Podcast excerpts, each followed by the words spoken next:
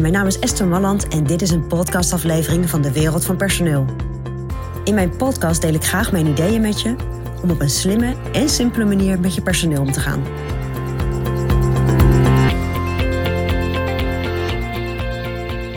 Een personeelshandboek, of personeelsgids. Ik weet niet welke term jij eraan geeft in jouw bedrijf. Dus ik weet ook niet eens of je het hebt.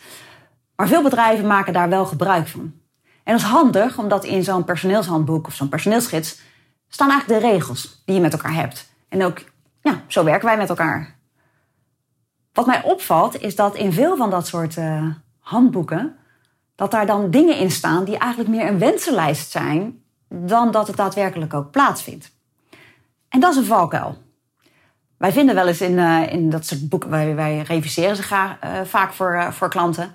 Maar ook als we een nieuwe opzetten en we zijn in gesprek met een ondernemer, dan zegt een ondernemer: ja, zet er dan ook maar in dat we uh, drie keer per jaar een gesprek met ze voeren en dat we maandelijks werkoverleg voeren. En dan vragen wij natuurlijk altijd: ja, maar doe je dat dan nu al? Ik zeg: nee, maar dat is wel de bedoeling. Ja, en dat zou ik dus niet doen.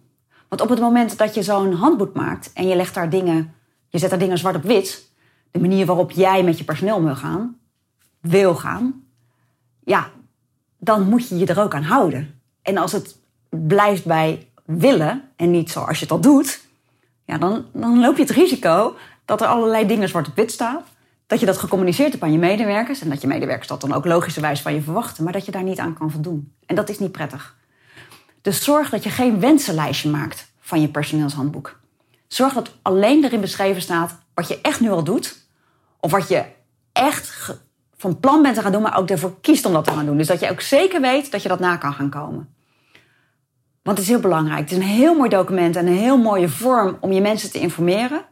Zodat het heel duidelijk is, hè, hoe werken wij hier samen met elkaar. Maar zorg dat het niet een soort van uh, documentje voor je wordt.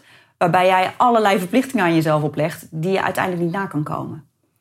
Dus alleen maar feiten in je personeelshandboek. Geen wensen. Dat is mijn persoonlijk advies vanuit de wereld van personeel.